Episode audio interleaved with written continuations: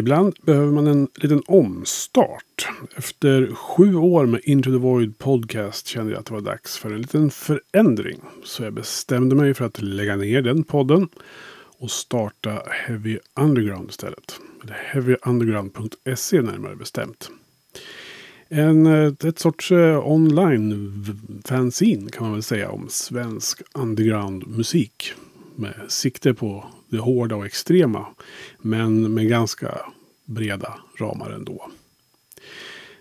Så, så en del av det här, det är det ni lyssnar på nu.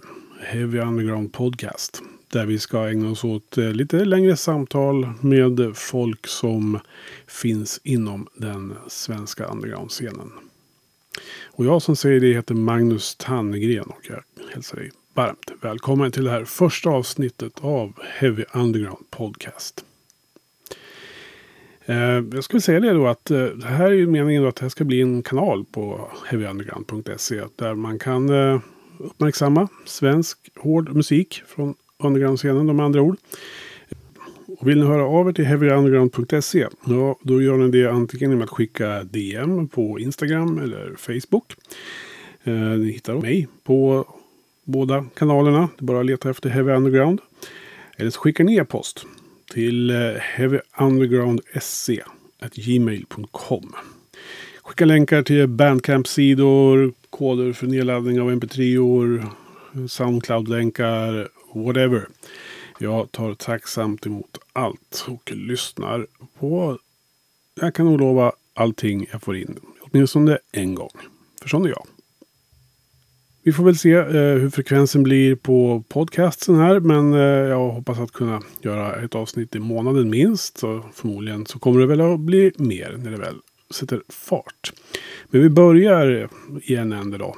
Eh, I det här första avsnittet. Genom att prata lite med en riktig profil inom svensk hård musik. Om man har haft eh, lite koll på den de senaste 10, 15, 20 åren kanske till och med.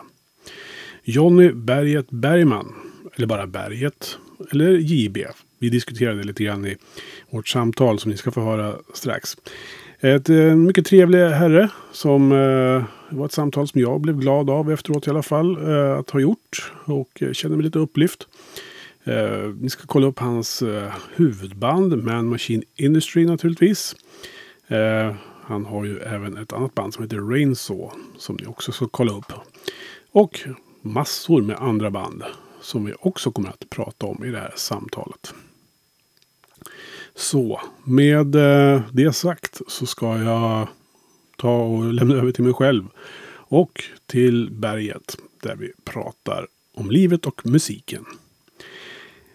Så här i Heavy Underground Podcast säger vi hej och välkommen till Jonny Berget Bergman. Jonny Berget Bergman, välkommen till den här podcasten. Tack ska du ha Magnus. Tack så. Är det Jonny eller Berget man kallar dig? Eh, väldigt få använder mitt förnamn faktiskt. Det är antingen Berget eller Bergman. Mm. Eh, och alltid när man är ute och turnerar internationellt så blir det mest JB, JB liksom. Så här. För att det, det, är svårt att säga Bergman och det är Berget. så då blir JB när man är ute och lirar. Men här hemma blir det mest Berget eller Bergman. Ja. Mm. Vi ska ju snacka lite om, ja, om dig i, i det här avsnittet faktiskt. För att, ja, det är mitt favoritämne. Ja, jag förstår Prata det. om sig själv. jag förstår det.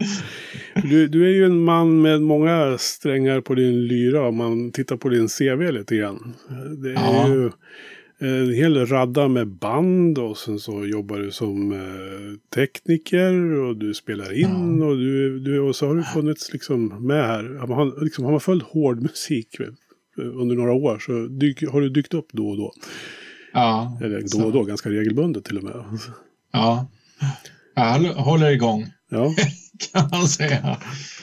Att... Eh, jag, har, jag, jag har väl eh, jag, börjar, jag, är, jag är gammal gubbe så jag började lira redan 70-talet så jag har hållit igång ända sedan dess. Men eh, det var väl inte förrän jag flyttade till Stockholm som jag, som jag tyckte att musiken kunde vara lite mer i mitt liv. Liksom. Även om den alltid varit jättemycket, jättestor del av mitt liv. Men det var inte förrän jag flyttade till Stockholm som jag kände att eh, eh, man kunde göra det lite större på något vis. Liksom så här. Mm. Eh. Var, varifrån flyttade du till Stockholm?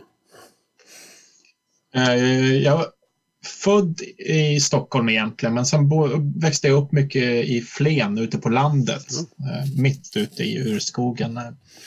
Ett litet ställe som heter Torp.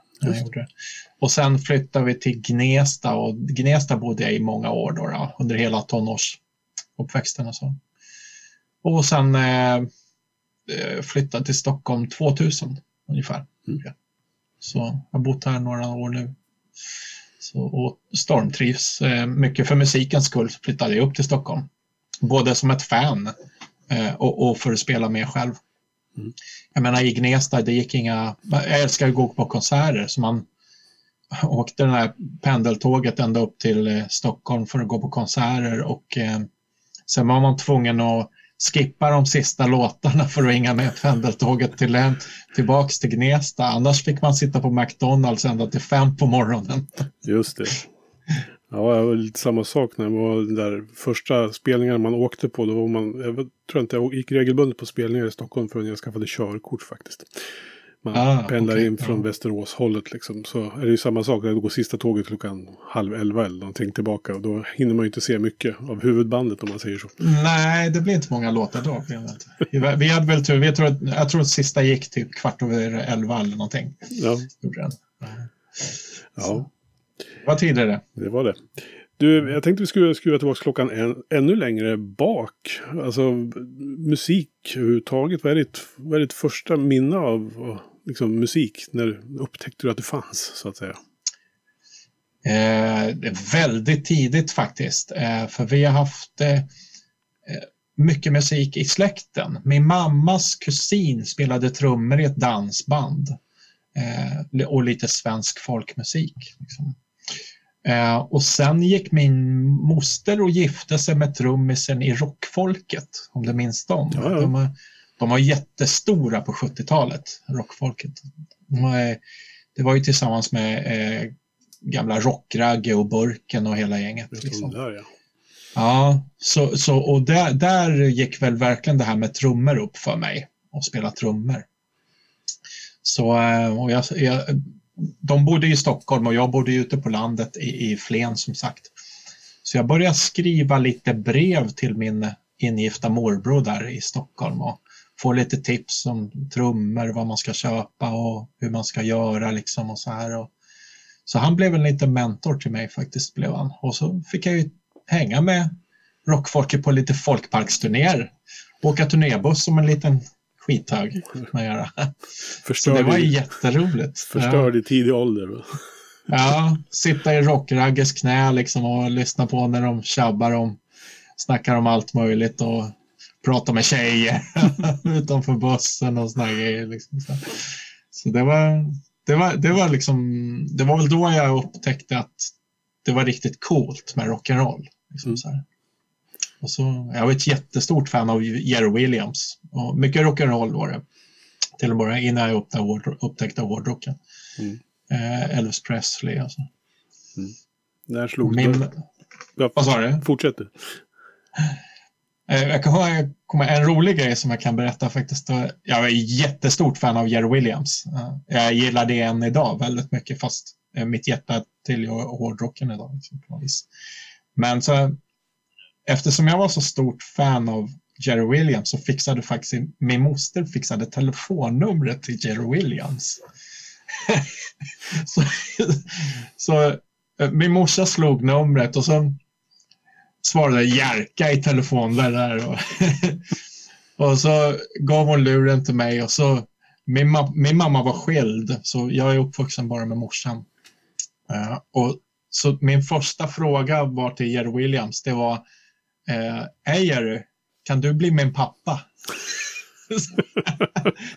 och han hade börjat asgarva hade han gjort och så då sa han lite snyggt då, ah, sorry alltså, jag, jag, har, redan, jag har redan en liten kis. Lite. han heter också Jonny. Liksom.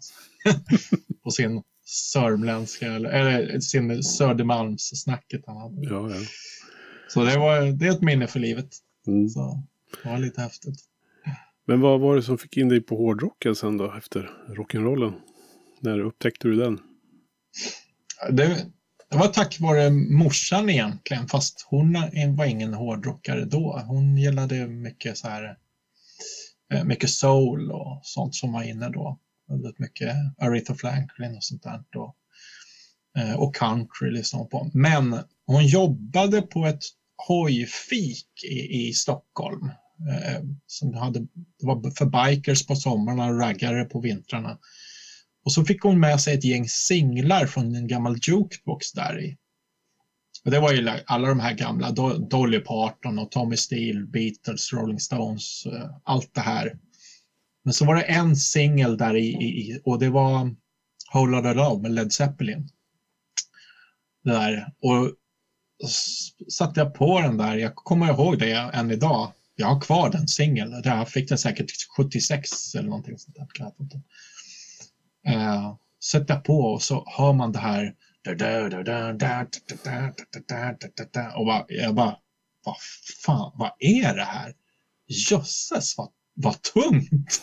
det var ju svintungt då. Jag var van vid Elvis Presley liksom. Så eh, där och då ändrades eh, allting för mig. Och eh, då började jag slå hårdare på trummorna och eh, morsan till en början fick ju dånvimpen på mig. Hon, hon, hon bara, det är bara skrik och skrän tyckte hon. Men sen med åren så har ju hon ändrat sig helt. Jag menar hon är ju hon är typ hårdrockare idag. Liksom så här. Hon ju 73 bast eller någonting. Mm. Hon, hon, eller så här, old school hårdrock. Hon älskar liksom så här, ZZ Top och Ozzy Osbourne, liksom Black Sabbath, Zeppelin, ACDC, alla de där. Hon åker på den här vad heter det, rockkryssningen som går varje år. Ja. Så här, massor med band. Så det är kul. Mm. Eh, så hon fick mig in på hårdrock och sen fick jag in på henne hårdrock. Ja, ja. det har varit liksom en del av din identitet om man ska säga. Alltså att man är hårdrockare liksom. Nej, inte, till, inte när jag var så liten eftersom Nej. Jag hade det ganska tufft i skolan. Så här, jag var ju mobbad väldigt mycket och trackad. Liksom. Jag, var, jag var utanför killen. Jag hade väldigt mycket utåtagerande problem och sånt där liksom, som, som man inte förstod då på 70-talet. Mm. Det fanns ju inget liksom, fanns inget ADD eller ADHD eller whatever. Så, här. så jag, och, och, och jag var ju som, jag var ju uppväxt på landet. Det fanns ju inte direkt, hårdrockarna fanns ju inte där.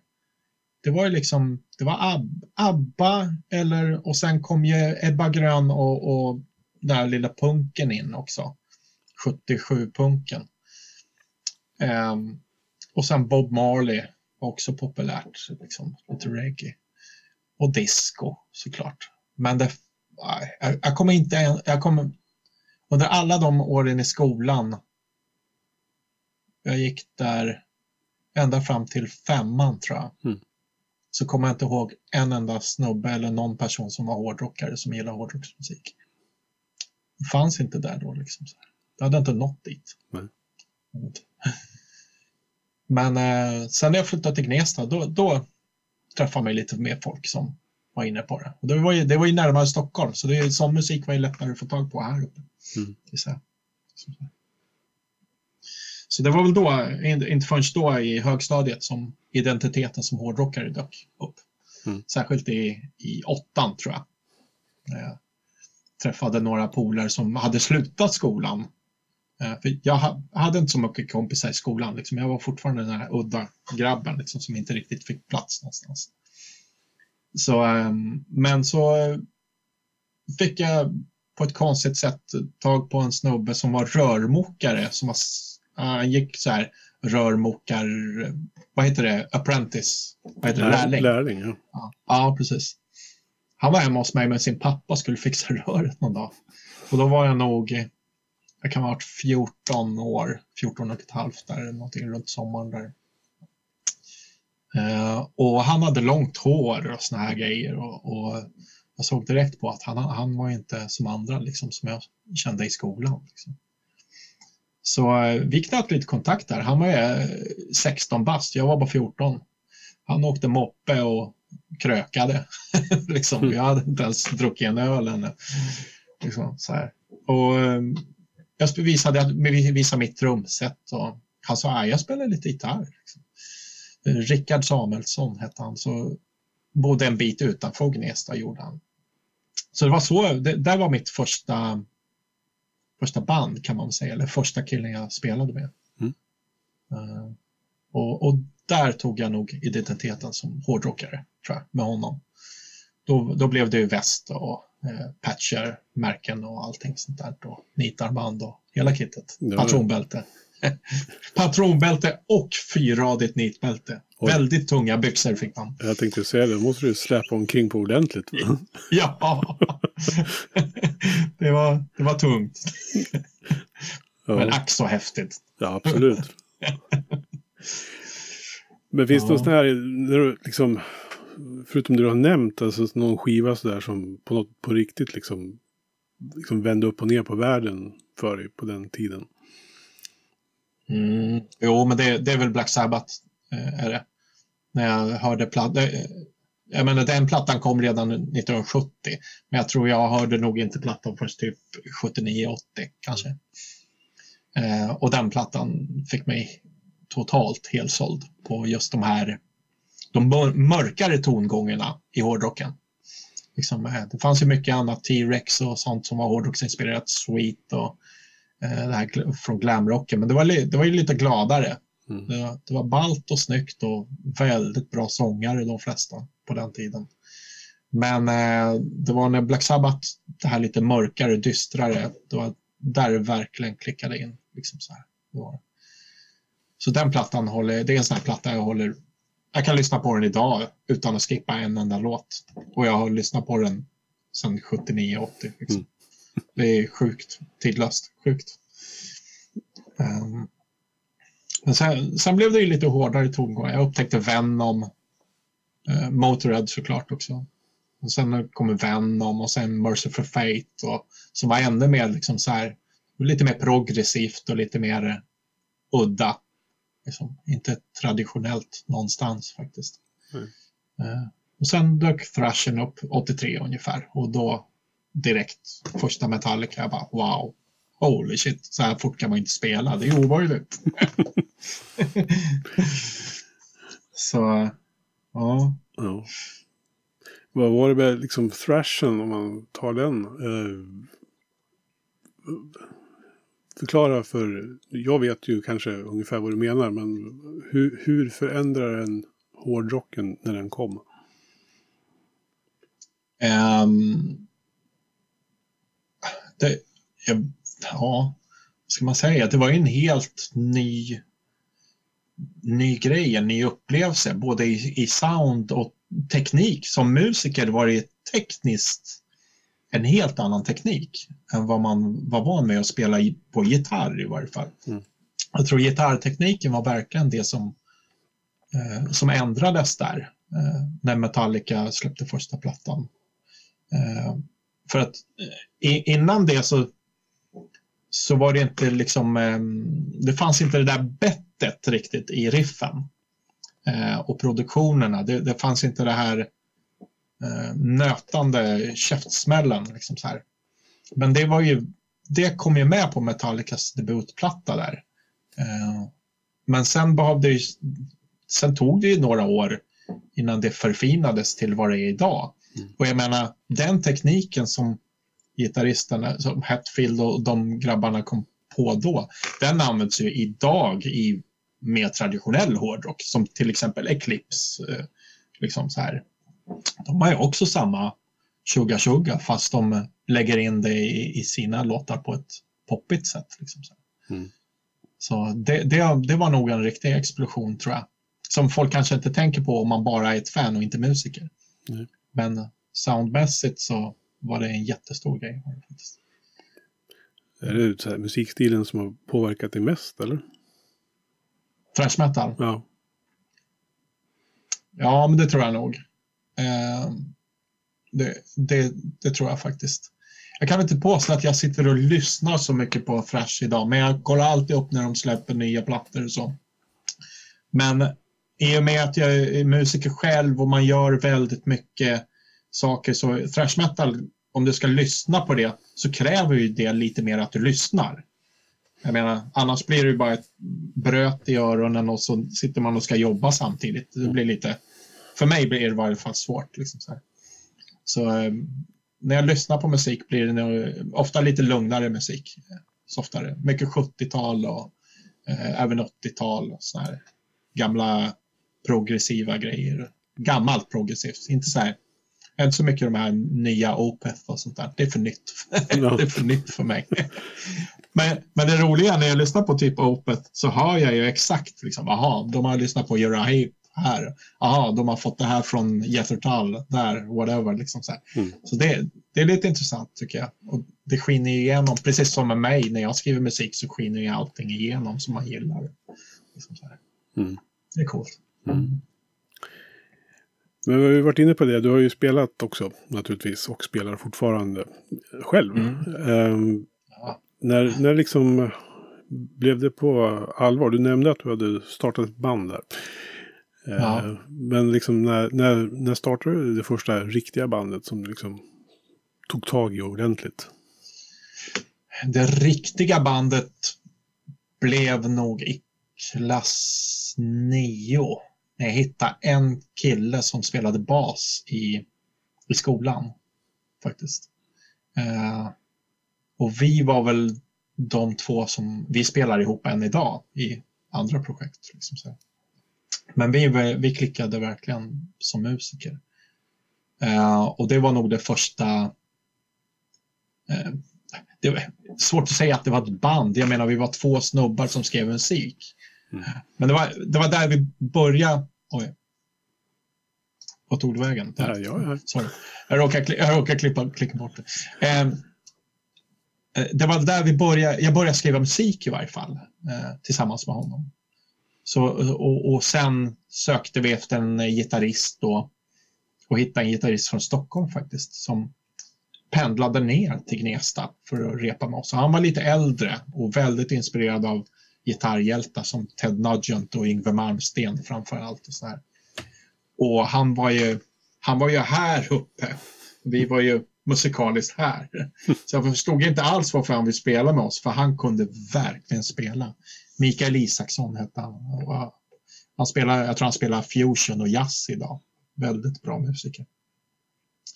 Men eh, nej, han hakade på där och, det, och så sjöng han lite också. Så det var, det var ju första bandet där nere då. Och då kanske jag kanske precis hade slutat skolan eller någonting sånt där. Då, mm. I nian då. Jag gick inte gymnasiet eller någonting. Jag var skoltrött. Så. Eh, jag började jobba direkt när jag var 16 år efter nian och sen dess har jag jobbat och spelat musik. Så. Mm. så, så det var första bandet och sen, men sen ändrades ju konstellationen. Man är tonåring och du vet allt går väldigt fort där. Eh, liksom, en kunde vara med liksom ett halvår och det kändes som flera år. Man har lyssnat på varandra många gånger om. Men, eh. Sen, när, när jag, ska, jag tror det var i slutet av, vad kan det ha varit, 87 kanske.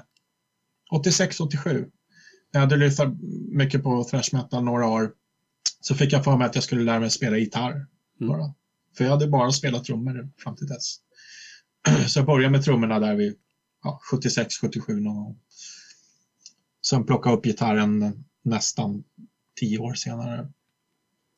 Och eh, eh då började jag lära mig alla de här favoriterna. Med, de enkla med ACDC och Black Sabbath och såna grejer försökte jag lära mig. Jag kunde inte gå på thrash metal direkt. Liksom, det, var ju, det var ju omöjligt. Jag fattade ju inte alls hur det gick till. Men eh, jag var ganska envis. Så, så redan 88 startade jag mitt första thrashband då, som gitarrist och sångare då istället. Mm. Och vi var det första thrash metal-bandet i Gnesta någonsin ever. Har vi. Så fanns inte så många där nere i Sörmland. Då. Jag tror vi hade ju Messro i Nyköping. Vi hade Merciless i Strängnäs. Strängnäs var det. Eh, så kanske det fanns ett par till då och så vi. Eh, mm. Så där tidigt. Och det, var, Den svenska, Det var roligt. Den svenska Det thrash-scenen på den tiden den var inte så här. Alltså den, den började gry lite har jag uppfattat det som. Men sen så kom death metal och tog över alltihopa. Precis, ja det, det hann aldrig explodera för death, death metal kom och exploderade. Ja. Så, men det, det, minns jag också. Jag, vi åkte upp, vi var ett några thrashers från Gnesta där och sen eh, eh, polare från Stockholm också eh, som eh, hade lite mer koll på vad som hände här uppe i stan. Och han fick med oss, eh, vi ska, han sa vi ska åka ut till, jag tror det var Järfälla eller någonting sånt där, jag kommer inte ihåg. Vi ska gå på en fritidsgård där. Det är, det är något nytt band som spelar där som heter Entombed. Heter de. Jaha, vad, vad är det då? Nej, det, det är något, jag tror det kallas death metal eller någonting sånt. Jaha, okej. Så vi åkte dit, kollade på en tomt på, jag tror, eh, undrar om inte var någon tidig version av typ Tiamat eller något sånt var support också eller någonting. Eh, och, och vi åkte upp dit, kommer in på den där fritidsgården. Alla är klädda i svart skinnjacka. Det är mitt på sommaren tror jag det var. Skinnjackorna på och, och långbyxor och allt är svart och långa svarta hårmanar. Och som thrash, från Thrash-grejen så var det ju lite mer Anthrax och Suicidal Tendencies och de här. De hade ju lite färggladare grejer liksom. Mm. och inte så jävla så här allvarliga. Liksom, så, här. Eh, så vi kom in dit med Bermuda-shorts och, och uppvikta eh, thrashskärmar där det stod något eller Suicidal Tendencies på. Liksom så här. Studsa in där glada som fan. Och så fick man se alla de här mörka, dystra grabbarna.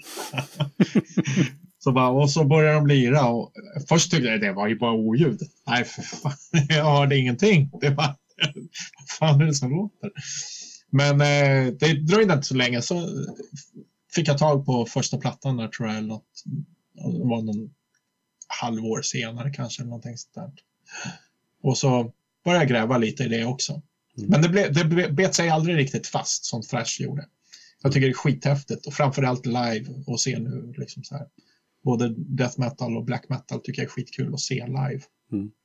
Men det är inget jag sitter hemma och plöjer bara. Det är inte direkt. Nej. Men det, det är kul att ha fått uppleva de här eh, tidsepokerna liksom så här, musikmässigt. Jag, jag, upptäckte ju New Wave of British Heavy Metal också på, på tidigt 80-tal. där. Liksom så här udda band som Raven och Tank och Blitzkrieg och sånt där. Liksom. Första plattan med Merciful Fate liksom med King Diamond när den kom, bara en sån sak var ju det var ju wow. Det var, allting var ju så nytt och spännande. Liksom. Sjukt häftigt faktiskt, när man tänker tillbaks. Nördigt, Ja. som min, min fru brukar säga. Så jävla nördig. Ja. Men gick du mycket på spelningar och sånt där runt början, slutet på 80-talet, början på 90-talet? Ja, jag åkte, åkte upp ofta till Stockholm, till hovet. Mm. På de, de större, stora grejerna. Jag hade inte riktigt koll på när de här mindre akterna kom, kom till Stockholm. Liksom. Nej. Utan vi var, ett, vi var en handfull kanske som tog pendeltåget upp och gick eh, på de här större grejerna. Så jag såg, eh, jag såg ju sista konserten med, med Cliff Burton Metallica där, eh, gjorde jag. Och sen eh, ja, Accept 85 och jag tror min första stora konsert var Saxon 83 på Hovet. Var det. Eh, och sen fortsatte det där. Och alla de där gamla legenderna, Scorpions och Judas Priest liksom, och Dio. Alla sådana här band som man kunde åka på. Vi, vi gjorde ju, det var ju en stor partygrej. Liksom. Ja, ja. Det var ju, man laddade flera veckor innan och, och, och så bara pendeltåget upp och drack bärs och blev skitfulla och skrek och skrämde pensionärer och hela det där ungdomskulturen. Som man kanske inte borde gjort, men det gjorde vi ändå. Det är Det preskriberat. var nu. roligt. Det var en rolig tid i varje fall.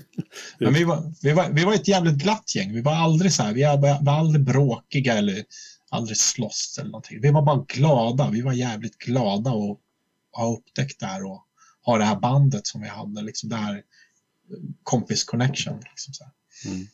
så från att ha gått i skolan som ganska mobbad liksom under hel, nio, nio år till att äntligen ha hittat den här, det här kompisbandet. Det var, betydde jättemycket för mig.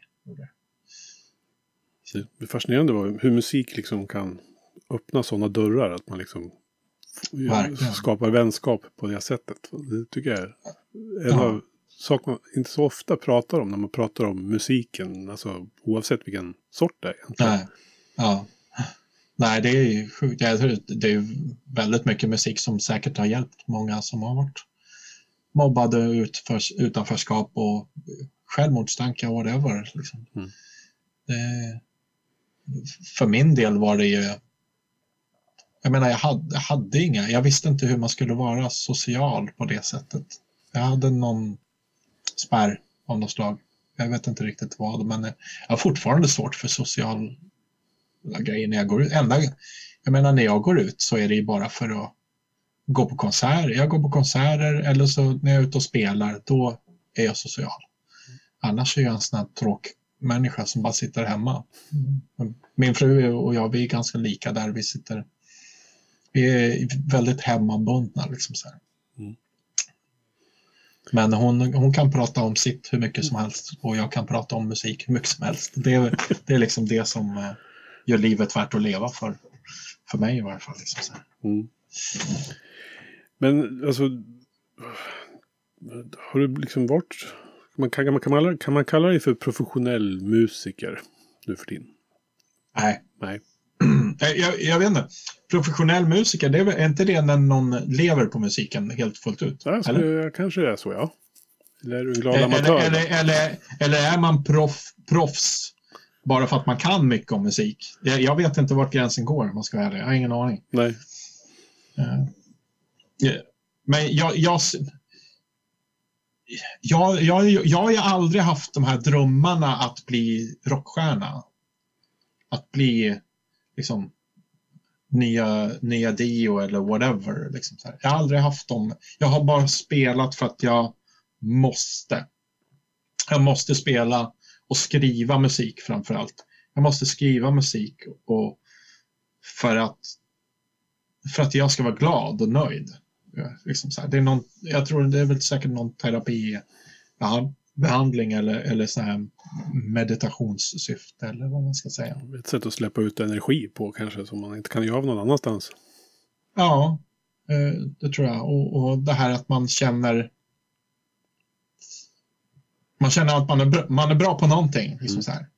Eh, ja, men det, här är, det här är jag bra på. Även om inte alla gillar det liksom så, här, så, så är det ju ändå att jag har ju ändå skapat det. Jag har, jag har gjort den här grejen. Det här har jag byggt själv som, man, som någon annan har byggt ett hus själv som är duktig på att snickra eller vad som helst. Eh, och då spelar det inte så mycket roll egentligen vad andra tycker om det.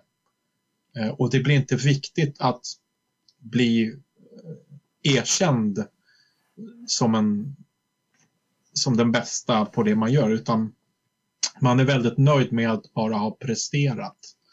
Hänger du med vad jag tänker? Ja, ja. Så, och det, det, det är det som alltid har drivit mig, tror jag.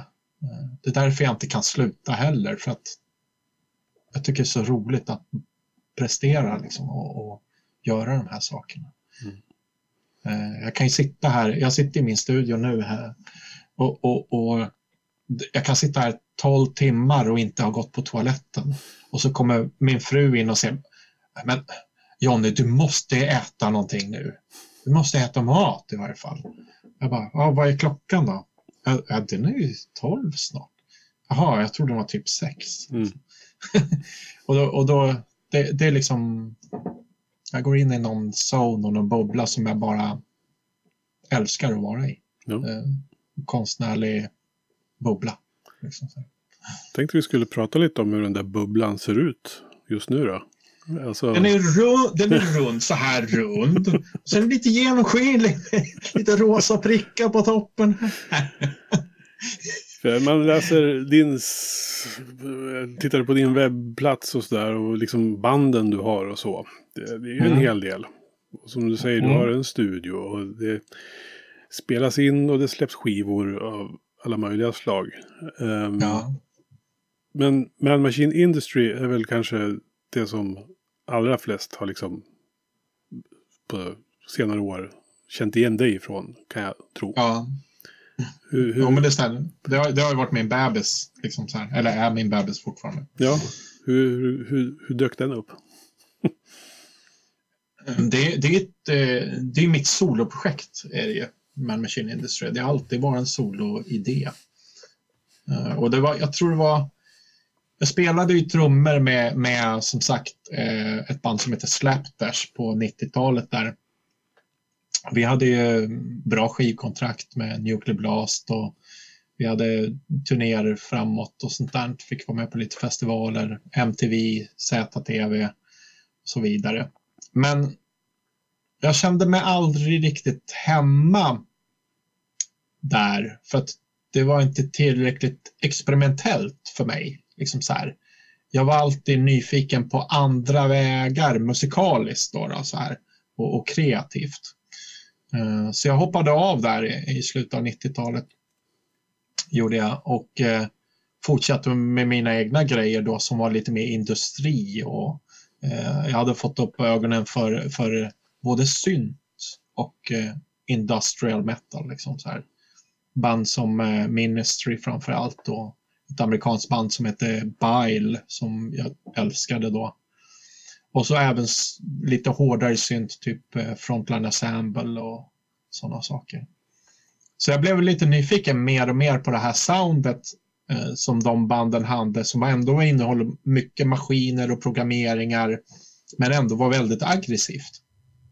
Som, som hårdrock på ett annat instrument. Liksom så, så, jag hakade på där och eh, 2000, ja det måste vara 99 kanske, började skriva på den här plattan som skulle bli en syntplatta, en hård syntplatta. Och, och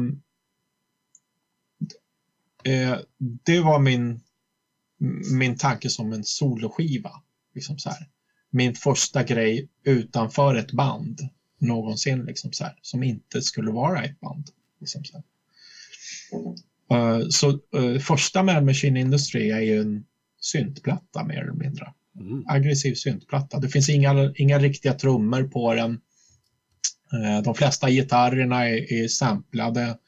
Är de, jag spelar ju dem men de är samplade och loopade.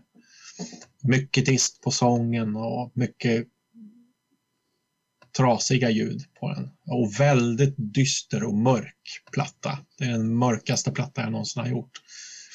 Eh, vilket också var viktigt för mig för att den behandlade ämnen som jag haft i mitt tidigare liv, eh, så här, när jag var yngre. Så, så jag var tvungen att få ut allt det här. Så det blev en väldigt terapeutisk platta för mig. Uh, och så släppte jag den 2001 på eget bolag och jag fick lite hjälp av uh, Patrik Sparong som hade en skivbutik i Uppsala då som uh, ja, försökte sälja den lite också. Där. Mm. Eh, och sen, eh, men sen när jag hade gjort den plattan så blev det lite spelningar på syntklubbar och såna grejer. Men samtidigt så blev det, då hade jag ju fått ur med all den här svärtan på något vis. Så när jag började skriva nästa soloplatta då med Man Machine Industry så kunde jag inte skriva en lika mörk och tung platta det, var, det fanns inte kvar i systemet. Så jag valde bara att följa den väg som gick. Och då, så nästa platta med Malmö Kinne det dröjde ända fram till 2004. Och där blev det mer eh, Rob Zombie, White Zombie, Rammstein-aktigt. Mm. Blev det. Och sen nästa platta blev bara en demo. Eh, och den blev lite mer hårdrockig. Liksom så här. Och sen blev det successivt att Man Machine Industry gick från då synt och ett helt annat ett experiment till eh, hårdrock, till heavy metal, eh, till idag är det nästan thrash metal. Mm. Så det, var, det, är en jättekonstig väg. Jag tror inga band har gjort den här banan faktiskt. Utan, men det är det som är grejen. Jag skriver ju bara musik för, för att få ur mig det. Och då kan, då kan Man Machine Industry kan ju bli precis vad som helst. Då. Det är det som är ja. lite roligt faktiskt. jag menar om, om 15 år kanske det låter som ZZ Top. Det är ju kul att ha en sån, liksom, det är nästan som en sån här biografi fast i musik. Då. Ja, ja exakt. Säger ja, vad man var just då och där. Va? Det, Mm. Mm. det är väl, tycker jag är svincoolt att man kan ha ett sånt projekt som inte är så låst liksom, i, i vad det ska vara. Liksom, utan att det, det, det, det din musik. Liksom. Ja. Och jag, jag, jag ser mig ju inte... Andra band, när de väl har blivit någonting, eh, om de har blivit kända, då blir man ju låst vid sina fans också. Mm. Då måste du ju ta hänsyn till fansen och, och em, vad vill de ha? Ja, men de vill ha en till Back in Black-platta, liksom, whatever. Liksom. Mm. Ja, men då måste vi göra det för att vi ska kunna överleva på musiken. Ehm, så jag vet inte, om MMI hade exploderat på någon av plattorna tidigare, då hade jag förmodligen mer eller mindre varit tvungen att typ stannat kvar. För att för fansen följer ju inte med. Jag menar, det är inga, inga av syntfansen som jag hade då lyssnar ju på det jag släpper idag. Nej. Liksom, det, det, det, det är ju för långt ifrån. Liksom, så här. Så. Men sen i, med årens lopp då, som du sa, jag har ju flera band också. Då har det ju blivit eh, att jag har velat göra saker tillsammans med andra musiker. Eh, så jag och Ronny Nyman hade ju ett band som hette Pansar eh, där jag sjöng på svenska då. Det, där var jag bara sångare i, i väldigt många år. Eh, och nu sen typ två år tillbaka så har jag, klev jag av det projektet för att jag kände att jag inte har inte tid riktigt och, och jag, grabbarna vill, ville mer än vad jag kunde ge med det bandet. Mm. Och, eh, svinbra, om du inte har hört dem förresten. Mm. Kolla upp det. Pansar, riktigt bra. Ehm, så lite, några av projekten har ju fått hoppa av eller, eller lägga vid sidan. Liksom så här, liksom, ehm, för att det dyker alltid upp nytt liksom, i huvudet som jag vill göra. Jag kör covers också. Eh, Jag har ingen emot att spela covers. Jag tycker det är skitkul. tycker det är asroligt. Så det, det finns inte så många gränser i mig på det sättet. Inga måsten, utan bara saker jag vill göra. Ja. Vad är det du har liksom som är rullar just nu då? Alltså förutom Man Machine Industry. Ja, Man Machine Industry håller, vi släppte ju en, jag släppte en ny platta med Man Machine Industry i mars 2020 då. då. Mm. Gjorde jag. Eh, Och sen skulle det bli lite turnéer och så på den, men det dog ju allting med corona här. Så Mm. den, den plattan har ju knappt nått ut tyvärr. För det har alltid varit på gigs som, som, eh, som det har gått bra. Liksom, där. Men eh, så nu håller jag på att skriva en ny Man Machine Industry-platta. Eller jag har skrivit färdigt den. Så jag håller på att spela in den nu. Och det blir en EP då. Eh, sex låtar, tror jag. Ehm, så den släpps i höst. Men annars håller jag på med ett projekt som heter John Stone 68. 68. John Stone 68. Eh, och det är tillsammans med den här kompisen som jag spelade som barn då, som Ja. tonåring. Så, och det har ju varit jätteroligt. Eh, för vi, vi klickar ju fortfarande som att skriva tillsammans. Så lika bra som när vi var tonåringar. Så vi har skrivit en platta som är...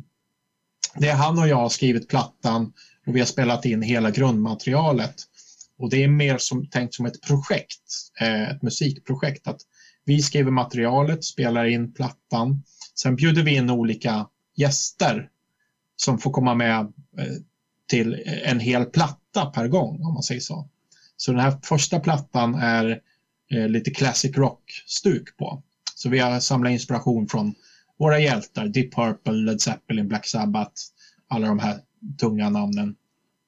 Och skrivit en platta som ska låta som det gjorde då. Mm. Och så har vi bjudit in en sångare då som eh, heter Tobias Jansson. Han sjunger med Gathering of Kings och eh, Sapphire. Så han sjunger på hela plattan då, så vi bjuder inte in en gäst på varje låt, utan han sjunger på hela plattan och han har gjort fenomenalt jobb. Eh, han har verkligen den här soulen i rösten som behövdes. Och sen har vi tagit som sologitarrist eh, en kille från, eh, han spelade med Tad Morose förut, eh, Kenneth Johansson heter han. Mm. Eh, och så kommer vi ha lite andra gäster, det kommer vara lite percussions och sånt där på den. Så det är ett jättekul projekt, men det blir samma sak där att den här plattan låter classic rock. Nästa platta vi kommer göra med det projektet kommer ju vara någonting annat som har inspirerat oss i livet kanske, vi, vi älskar Motörhead väldigt mycket han och jag. Så kanske vi kommer göra en här Motörhead-platta. Vi älskar Southern, eh, gammal Southern liksom. Lynyrd Skynyrd och Blackfoot och så här. Kanske det kommer bli en sån platta. Mm. så, med andra jetställ liksom. Så, och det, det är skitkul. Det är en, en helt annan grej att jobba med liksom, på så sätt. Ja. Skitroligt. Mm. Ja, det är väl de två som ligger liksom i, i, i stävet nu liksom och jobbas på. Mm. Eh, ser du liksom framtiden här nu då? Nu får vi väl se då var den här pandemin tar vägen. Men har vi mm. lite flyt så kommer det väl på något sätt ändå, ja, om det inte blir normalt så blir det i alla fall någonting annat än vad det har varit. Eh, ja. Men hur, hur ser du på framtiden för musiken här nu i ditt liv? Jag håller tummarna hårt här. För jag ska iväg på en festival i Belgien nu i augusti. Eh, jag jobbar ju som trum och gitarrtekniker också vid sidan av till Eclipse. Gör jag. Mm. Så de har sin, sitt första gig på nu över ett år i Belgien och då ska jag åka med. Och sen har de väldigt mycket bokat. Det har gått väldigt bra för dem. Det, det går ju spikrakt uppåt. Så det blir nog väldigt mycket gig om det öppnar upp. Mm. Jag vet att det är väldigt mycket på gång så jag hoppas verkligen det. För att det här har varit, även om jag älskar att sitta här hemma och, och skriva musik själv och ge ut det jag kan. Och, eh, en, del, en del av mina grejer ges ut på GMR Music också. Så för att de också ska ha något att göra. Mm. Så, så hoppas jag att det öppnar upp. Även tänk dig alla skivbolagen och allting. Ja, ja. Det är ju hemskt det här. Det är, det är, det är självklart, det, det är ju tragiskt det som händer. Men eh, det, är nog, det är tufft för många tror jag. Mm. Fort. Vad har du kvar liksom för drömmar att göra då? Alltså du, du har ju många järn i elden och du håller på hela tiden. Men har du någon sån här sak som du verkligen vill göra innan du lägger gitarren eller trummorna på hyllan? Ja, jag tror jag aldrig kommer lägga det på hyllan. Eftersom, jag menar, när jag, blev, när jag blev för gammal för att turnera och åka runt och slita som det är, det är mycket jobb. Då, då blir det ju att spela covers liksom, med, med mm. mina polare. Liksom, så. Eh, men eh, jag vet inte. Jag har ju ett annat projekt som heter Rainsaw som har legat på is nu väldigt länge. Eh, dels för att jag inte har tid och sångaren sjunger med ett eh, så här halvpopulärt band eh, och gitarristen likaså. De jobbar med sitt. Så jag, jag skrev en, en bok till det bandet, en, sen, det var en temaplatta så jag skrev en, en, bok och jag hade ju drömmar om att få göra en trilogi på den boken. Så det är väl något jag skulle vilja göra. Jag skulle vilja få den där trilogin eh, ur världen. Så här. Men eh, samtidigt vet jag hur enormt mycket jobb det var att skriva den här boken mm. och, eh, och, och, tillsammans med en platta då få hela temat att stämma överens. Det var sjukt mycket jobb. Så jag vet inte riktigt när jag ska kunna klämma in det. Liksom så här. Men det är väl något jag skulle vilja göra i varje fall. Det är det.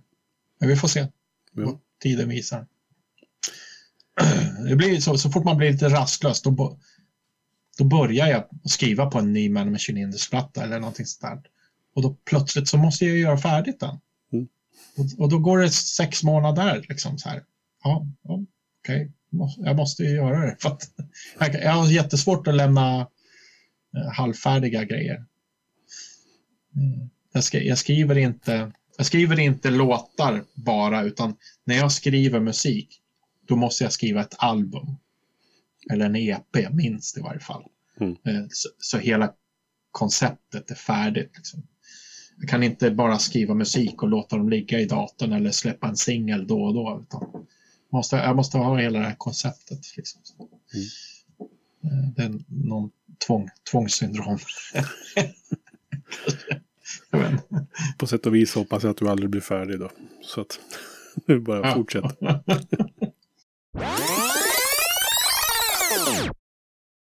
Du har lyssnat på Heavy Underground Podcast från heavyunderground.se. Ett online-scene om svensk underground-musik. Tack för att du har lyssnat på det här avsnittet så hörs vi nästa gång.